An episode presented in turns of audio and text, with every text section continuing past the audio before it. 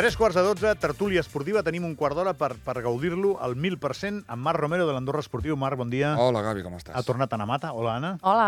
Hola a les 8 del matí, hola a tres quarts de 12, això m'encanta d'aquest programa, perquè tu veus passar la meva vida. Vaig, vaig envellint davant teu.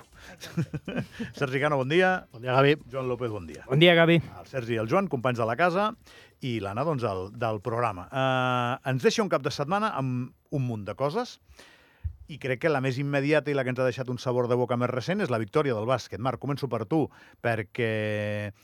Clar, és que vam jugar divendres, que ens en vam anar tots ben fotuts del pavelló amb aquella derrota amb el Breogán, però ahir eh, va haver la victòria contra Thunder Palència per 13 punts de diferència, 87-74. Jo la setmana passada deia, després de Bilbao, m'he posat al costat del botó vermell, però no he obert la tapa encara. Després del Breogán la vaig obrir i ara l'hem tornat a tancar i l'hem tornat a guardar.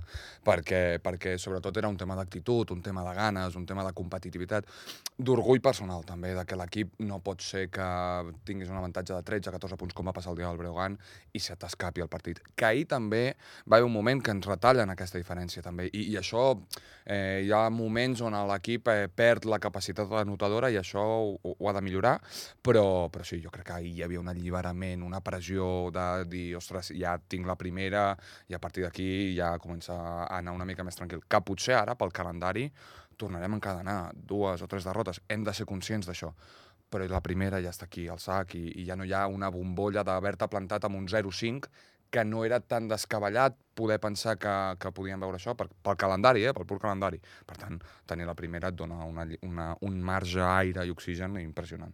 Òscar Merino és la veu del bàsquet a Ràdio Nacional d'Andorra. Òscar Merino, bon dia. Què tal, companys? Bon, molt bon dia. Un minutet, no t'entretenim més. Um, coincideixes amb el Marc o hi poses algun matís? Sí, pel que he escoltat, eh, diria que totalment d'acord. Eh, s'ha tret un, alliberat l'equip, s'ha tret un, un pes a sobre després de sobre la, la primera victòria, òbviament encara amb, amb carències, eh, amb desconnexions, com deia el Marc, amb el tercer quart de Breogán, que després l'equip és incapaç de tornar a agafar el bon camí. Ahir doncs sí que ho va aconseguir, guanyava de 14, es va veure per sota l'inici de l'últim quart, però eh, a diferència del divendres, ahir l'equip va, va reaccionar amb el 14-12 parcial en els últims minuts i, i es va poder... Eh, va, va remuntar no? la, la, la, la, la diferència negativa en aquell moment. Eh, bueno, i això també diu molt no? del, del, del caràcter, la solidesa, la consistència de, de l'equip en el moment més, eh, més complicat. Eh, amb les idees més clares, no? potser també diria jo, de l'equip de, de Nelson Escano, sense perdre tantes pilotes, eh, compartint millor la, la, la pilota i amb l'aportació de, de molts jugadors. Eh, podríem destacar Felipe Dos Anjos, podríem destacar Mari Maric, hem parlat sí, molt de les carències que tenia eh, l'equip en el joc interior, doncs eh, ahir no, no es van veure, no? I, i tampoc teníem feina fàcil davant de Matt Harps o de, o de pas tècnics, eh, no sé, també la feina de Tyson Pérez, de, de Colle, de, de Stars, de Udolot, eh, el jove però, però, però atrevit, eh? Adam Somoji, jo crec que al final eh, una, una aportació molt, molt coral que va fer que l'equip doncs, eh, pogués sumar aquesta importantíssima i necessitada primera victòria. Òscar Merino, gràcies, bon dia. Una abraçada. Intervencions de pim, pim, pim, pim, 30 segons. Anna Mata, tu vas estar al camp ahir. Sí, a mi m'agradaria destacar molt l'actuació de Marin Maritz perquè divendres vam veure una figura de Maritz molt podríem dir-ho, no? Mm, poc acertada i crec que ahir va ser, va ser molt potent i el que deia l'Òscar, no? que al final va ser una cohesió molt important, però que s'ha de seguir treballant perquè al tercer quart eh, sempre és com que es desinfla una mica l'equip i moltes vegades costa remuntar, però ahir ho van aconseguir. Sergi. Marker Starks jo destacaria, perquè va estar molt bé, va ser el jugador més valorat i en el moment que això que es van apagar els llums doncs va sortir ell, no només en la notació, sinó també repartint joc. Va ser un moment molt important, va ser una, una victòria de Coco ahir, perquè és el que comentàveu, no? que hi ha un moment donat que en l'inici del darrer quart es col·loquen per davant el, el Palència, que no havia fet pràcticament tot el partit, i eh, van aparèixer aquestes figures, no? donant bones assistències al, al Marker Stark, també buscant bé els, els pivots, i em va semblar un moment super important i la seva aparició doncs, va fer que, que, que sortís una miqueta a la llum també altre cop. Vas poder veure el bàsquet, eh, Joan, o que, que tu Vaig- venies de Dinamarca? Sí. Vaig veure el final, justament vale. arribant, final del tercer quart, quan remunta el València, es posen per davant l'últim quart i És el coincideix gafe, amb doncs, és el gafe. No, no, al contrari, perquè o sigui, va remuntar a Palència i el Morabanc va fer un gran final i el que volia dir era doncs, que estava d'acord amb el que comenteu, que era molt important guanyar la primera, guanyar-la a casa, guanyar-la a poliesportiu per la confiança de, de l'equip i guanyar-la en els últims dos minuts, que era el que ens havia fallat, no? acabar bé els partits. És que va ser un partit molt frustrant, el de, el de divendres, però mm, crec que la conclusió l'heu comentat tots una miqueta, que no anirem sobrats, que això és l'ACB, que si fem 12 victòries ens salvem i a veure si el comptador va pujant mica en mica, però que això de festival i gresca, xerinola i... no serà això, és una altra temporada. Començo a pensar que seran una mica menys de 12 perquè el Girona està molt bé i crec que el grup de baix eh, es reduirà una mica i això potser ens ho posa una mica més fàcil, però, però sí que estic d'acord amb, amb el Sergi que per mi Starks mm, ja era hora que aterrés, vull dir, hola, això és Andorra, benvingut, ara ja comença a jugar perquè fins ara ni a la pretemporada, bueno, és veritat que es va lesionar, eh, però contra el Dimoses, per exemple, va estar molt malament, eh, el primer pa Bilbao, pràcticament res, i contra el Beogran va ser mm, completament fos i, i ahir va agafar el timó de l'equip en molts moments. Això és molt positiu en, en un equip on necessites jugadors que tinguin punts a les mans, i ell les té. I, i després, sobretot, també a mi el dubte que em queda és ara això que vam fer ahir, aquest nivell d'intensitat i aquest nivell de competitivitat, portar-lo davant d'un equip que no sigui el que acaba de pujar a la CB. Portar-lo davant doncs, de Breogán, de, Val- de Bilbao, de València, del Barça la setmana vinent. Per tant, a, això demostrar-ho també davant d'equips que porten més temporades a, a la CB. Absolutament. M'he estat mirant la classificació de la Lliga Hypermotion o Hypermotion, com ho he de dir això? Hyper. Hyper. A Ells, diuen hyper. A mi m'agrada més A, hiper. a Madrid Jo te- diuen hyper. Jo he anat a comprar l'Hyper quan era petit i em rares, surt Hyper, no em surt Hyper.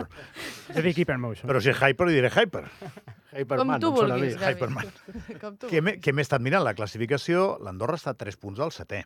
Mm. I veig uns cabrejos d'Eder Saràbia. Cada cop que l'Andorra perd un partit, que probablement estiguin justificats, ell és l'entrenador, però ja li vaig demanar al Marc un dia, després de Miranda d'Ebro, no? Veig un, un perfil molt alt en, en això, eh? Perquè, perquè l'equip té la qualitat. És a dir, l'equip al segon temps a Albacete, ostres, fa una segona part molt bona i acabem tancant a l'Albacete a la seva àrea, generant ocasions. És veritat, faltava acabar d'entendre, però la qualitat hi és. Per tant, com que som un equip jove, és com el nen del col·le que a la primera i la segona hora està encara mirant a la finestra perquè encara no sap ben bé que està a classe i a partir de la tercera hora o després del pati ja el noi comença a fer els problemes de mates de, de primeres. No? Em, I i, el, i, i Saràbia és molt exigent, i ho és, i, i si tenia ell la sensació que tinguia Albacete i vaig, vam poder gravar quatre, quatre paraules perquè teníem l'ho- l'hotel un al costat de l'altre, és que ho veia tan clar i havia llegit tan bé el partit abans de començar el partit que la ràbia de dir, ostres, ho teníem, és que era, els hi havíem dit què havíem de fer per guanyar i ho vam fer massa tard. Eh, jo crec que, que és eh, l'equip mm, És que jo he vist Jo tinc tantes moltíssim... vegades això al bàsquet, Tinc molt... el partit preparadíssim i comencem 20 a 0 sí, perdent. Sí, però, però jo crec que sí que hem donat, o ja, és a dir, llegia, ho publicava AS, avui és un equip de, o ho fem de 10, perquè l'altre dia davant l'Oviedo a Sant Pere està perquè li fem un monument al costat de l'Ildefons Lima, vull dir, anar, anar ficant herois nacionals, i, i, i en canvi l'altre dia Sant Pere no, no va viatjar al Bacete. Per tant, o, o ho fem de 10 o Ja. ho fem de suspens. La versió intermitja del Futbol Club Andorra no l'acabem de trobar i és la que igual et fa estar allà per, per aspirar a cotes grans. No? Bueno, pues est- està ben vist. Jo diria que a l'e- a l'equip li falta gol, i això sempre es nota. Mm, i En aquesta categoria, en totes, el gol és fonamental. Trobem a faltar Baquis, I tu fa, creus? falta gol, sí, sí. I falta jugadors que xutin més de fora, i això doncs, ho, ho trobem a faltar, almenys jo personalment. I, i això, Falta doncs... solidesa també defensiva. Sí, Sí, i després ser les errades. Sí. és passa? Que és de aquest- xiste el tercer gol que, que, penalitzen. que Però aquest és un debat molt antic. La solidesa defensiva és solidesa defensiva quan te la pispen quan estàs atacant? Clar, també ho és, eh? Però és Bueno. que, clar, com que l'Andorra ataca, ja no sé mai si és Sí. fase defensiva o fase ofensiva. Bueno, és entendre que, que, per, és entendre pues, que segons quin jugador ha d'anar a terra, placatge de rugby, que potser als del futbol no els fa molta gràcia parlar de rugby, però bueno, eh, però placatge a terra i, i, i que, que aquest tio no pot córrer 40 metres i plantar-se a l'altra àrea, vull dir, és així. El segon gol també demostra que falta aquí una mica més de contundència. De contundència. Molt bé, uh, dijous hi ha futbol, eh? Hi ha futbol a l'Estadi Nacional. Sí, de moment al Nacional, t'anava a dir. És, que, és que et vaig molt calent, eh, amb aquest tema. Hi ha gespa, hi ha gespa Hi ha gespa. eh, natural. I... Bé, jo, De moment encara aguanten. Però vas calent perquè signen un document i no posen ni una pedra per fer una obra o perquè vas calent? mm, vaig calent perquè no se'm passa pel cap que en aquest país, Andorra, eh, se'ns pugui escapar de les mans un projecte com el Futbol Club Andorra, que omple amb més o menys gent, mm, 1.000, 2.000 persones... Perquè si signen un document, perquè no comencen a fer les obres d'un Sí, camp. no, no, no, diria. això és evident, això és evident, Gavi, que aquest és l'asterisc que es posa a... Ah, vol dir que si busquem culpables igual... No, no, no, no, és que jo no, no, no, és a dir, jo no deixo a l'aire el, el Futbol Club Andorra, eh? Jo crec que l'Andorra té molta part de responsabilitat en no haver començat a posar pedres quan les havies de posar, molta, eh, um, i, i és una entitat, i estic d'acord amb el govern, que és una entitat privada i que el govern pot fer fins on pot fer. Aquí estic completament d'acord. Però porto un temps aquí, un temps feia política, i la paraula que més sentia era allò de la col·laboració público-privada i ens hem fartat de parlar-ne d'això, i ens hem fartat de parlar d'inversió estrangera en aquest país. Em, no, no estic dient que, que haguem de treure Avinguda Meritxell perquè l'Andorra pugui fer el seu camp. No estic dient això.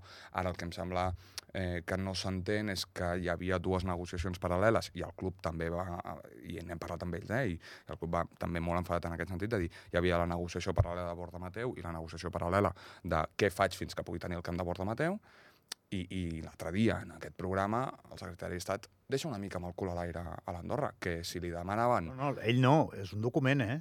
Sí, però aquesta negociació que hi havia paral·lela, Gavi, eh, era deixa'm que acabi de tancar Borda Mateu perquè jo puc fer veure que tinc un pla B i ara a Borda Mateu els diuen mira, és X més I perquè o és amb mi o és amb ningú. Jo, jo el que dic és que aquest tema és apassionant i no tinc temps. Ja, perquè ja, he de ja parlar sé, de ja sé, perdó. Eh, si tu vols fer aterrar un projecte tan descomunalment gran per l'envergadura que té eh, la infraestructura esportiva d'Andorra, la preparació, el context en el que vas a aterrar, tu has de tenir un pla de negoci que té una progressió. I aquesta progressió ha estat desafiada permanentment per un equip de futbol fantàstic. Un equip de futbol que ha cremat etapes molt de pressa i que ha col·locat a bona part dels actors que, lògicament, s'han de relacionar amb el projecte contra la paret, perquè el rugby feia 40 anys que jugava en aquest camp, eh? No els oblidis, Marc, Però ru- que tu no havies nascut. Si, si jo sóc de i- rugby, si jo sóc dels que defensen No, que les si- samarretes si- de si rugby no- no... han de portar nom perquè les samarretes són dels equips. I ahir estava veient i- a Tonga davant de Sud-àfrica i volia que No, Itàlia però vull dir que, que deixen de fer-ho, eh? Deixen de fer-ho Sí, dos anys no i es signa un document... No però, eh, no, però que deixen de fer-ho. Marxen de casa seva perquè s'ha de fer un camp. I aquest camp ara mateix no té ni un plano. Sí, ni un sí. plano. Estem, I ha En passat això estem d'acord, Un lloc on fer-se. i un any i Exacte. pico. Llavors, clar, Fa un any i mig que haurien Em, d'haver començat a fer. En Ah, això estem d'acord. que seria una llàstima, seria una llàstima. Que carregar-te un camp de gespa natural que l'ha afectat jo crec que no li entra al cap a qualsevol persona més o menys equilibrada, doncs tampoc. Eh, després d'un ús de dos anys, vale, d'acord, però he de parar. Ja, ja, ja. I si arribo a saber que em deies això, hagués, eh, no sé què hagués fet, però he de parar. Perquè el Joan se'n va anar a Dinamarca i en allà vam anar molt bé fins un moment en què vam deixar d'anar bé. Eh, I jo no vaig veure el partit, Joan, què va passar? Perquè van perdre, la, els Isars van perdre 36 un partit a 8, que... Sí, té dues cares. Sí. Sí. El que dius, fins que l'equip manté la benzina, no? com se sol dir la primera part, eh, hi ha una igualtat, fins i tot s'arriba amb un empat a, al descans, 8 a 8, i a la segona part Dinamarca passa per sobre. I deixa clares una mica totes les mancances de, de la selecció andorrana. Inferiors físicament, eh, inferiors en, en el placatge, eh, els danesos amb més cames, mm, sobretot molt més forts. Havien preparat molt millor el partit, Andorra arribava sense partits de pretemporada amb el BPC, amb baixes a la convocatòria, i quan jugues amb una selecció tan forta com Dinamarca, al davant es veu la preparació també de, de la primera línia. Si a sobre que tens baixes potser no arriben de la millor manera preparats, amb un seleccionador que coincideix, ve de França, el Thierry Barbier, que fa tres anys que, que capitaneja aquest projecte, eh, coincideix un entrenament o dos com a molt abans de viatjar cap a Dinamarca. És un seleccionador que sap moltíssim de la preparació de, dels eh, davanters, és especialista en això, ho ha fet molts anys al Colomier, a França, però té poc temps per preparar-ho. I els jugadors, amb una estructura absolutament amateur, com és la, el rugby andorrà, es preparen poc. Eh, llavors, en, en aquestes fases de, de els, les melés, es nota molt la, la diferència amb una selecció com Dinamarca que s'havia concentrat, que havia preparat el partit a consciència i que va ser infinitament superior a la segona part. Ana Mata, de- defineix-me Irineu Esteve en dues paraules. Increïble. Només amb una ja en tinc prou. Vale? Pues a l'atac. He tornat a guanyar una d'aquestes curses Sí. de pretemporada que només guanya la gent que és molt bona. Marc Romero, tenim una conversa pendent. I tant, quan vulguis, Gavi. Anna Mata, gràcies. Gràcies, gràcies Sergi, gràcies, Joan. A tu. Demà a les 8 i tornem. Uh, Ricard Porcuna, Thierry Morat, Vies del So, Àlex Moldes a la producció, Anna Mata, que l'acabeu d'escoltar, qui eh, m'ajuda des de la redacció, i qui us ha parlat, Gabriel Fernández. Demà de 8 a 12, més. Que vagi molt bé.